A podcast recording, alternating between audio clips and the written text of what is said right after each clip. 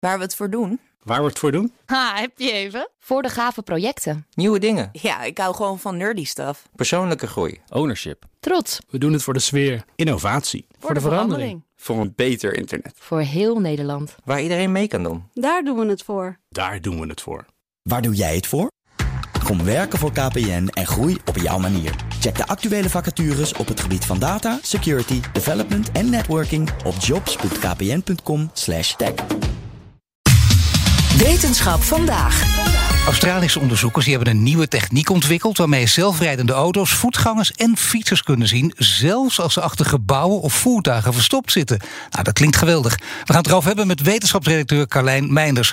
Carlijn, dat klinkt als eh, de superman onder de voertuigen. Ja, uh, nou dat klopt ook wel aardig. Uh, dat zien van voertuigen en mensen, en zeker voertuigen en mensen die opeens uit het niets verschijnen, dat is natuurlijk een van de grote uitdagingen voor zelfrijdende auto's. Daar wilden onderzoekers van de Universiteit van Sydney samen met twee grote mobiliteitsbedrijven iets op vinden.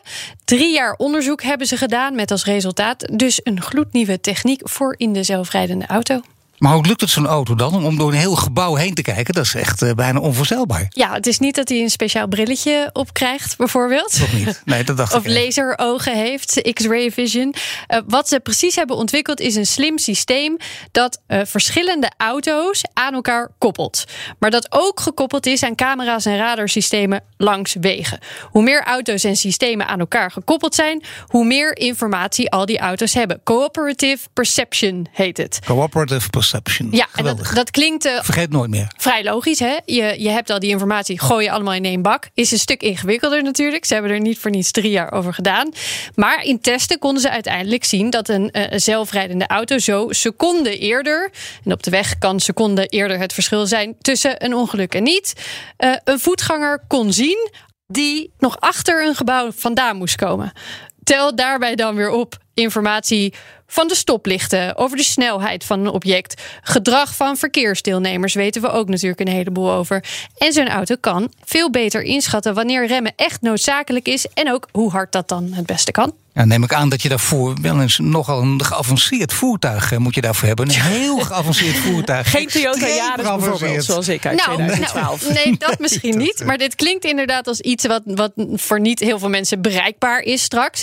Maar dat, dat, is, dat is niet zo, want een, het is wel een nieuw systeem. Dat heb je nodig. Maar een voordeel is, een auto hoeft zelf niet meer helemaal vol sensoren te hangen. Onderzoeker Mao Shan van het Australian Center for Field Robotics van de Universiteit van Sydney vertelde hier al meer over tijdens een webinar. One of the challenges for an autonomous vehicle to hit Australian roads is, uh, is high cost. And its onboard perception sensors account for a significant proportion of the cost. But with CP now, the perception is achieved not by an individual vehicle, but collectively by vehicle fleet and the infrastructure in the local region. So this can substantially help an autonomous vehicle reduce the reliance on the local perception sensors and thus lower the per vehicle cost. Ja, dus wat zij zeggen is: het wordt niet minder bereikbaar, het wordt juist bereikbaarder voor mensen. Want die EV's, die zelfrijdende auto's, worden minder duur. Omdat die sensoren, die zijn niet meer zo geavanceerd. Die zijn niet meer nodig. Je hebt niet meer de sensoren op de auto zelf alleen maar nodig. Je kunt gewoon gebruik maken van alle auto's om je heen. En dan zou je dit zelfs kunnen gaan gebruiken in niet zelfrijdende auto's. Moet je dus wel een, een vrij modern voertuig hebben, want je hebt wel het een en ander nodig. Kijk je mij nou zo heel specifiek aan? Ja, sorry. Ja. Jij met je ja, oude bak. Ik mag wel gewoon een milieuzone zijn, jongens. Zo oud is hij nu ook weer niet, hè? Ja, maar goed, dit zou dus ook kunnen werken als je niet een zelfrijdende auto hebt die net gebouwd is. Dat maar was is het nou helemaal moeilijk voor elkaar te krijgen?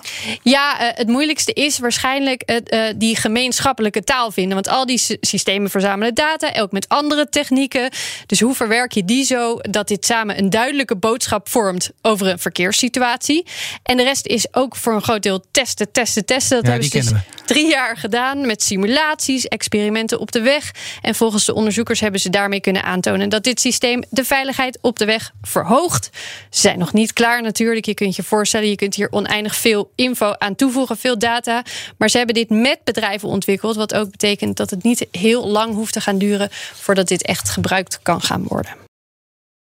Ook Thomas van Zeil vind je in de BNR-app. Je kunt live naar mij luisteren in Zaken doen. De BNR-app met breaking news. Het laatste zakelijke nieuws. En je vindt er alle BNR-podcasts. Bijvoorbeeld Het Nieuwe Geld. Download nu de gratis BNR-app en blijf scherp.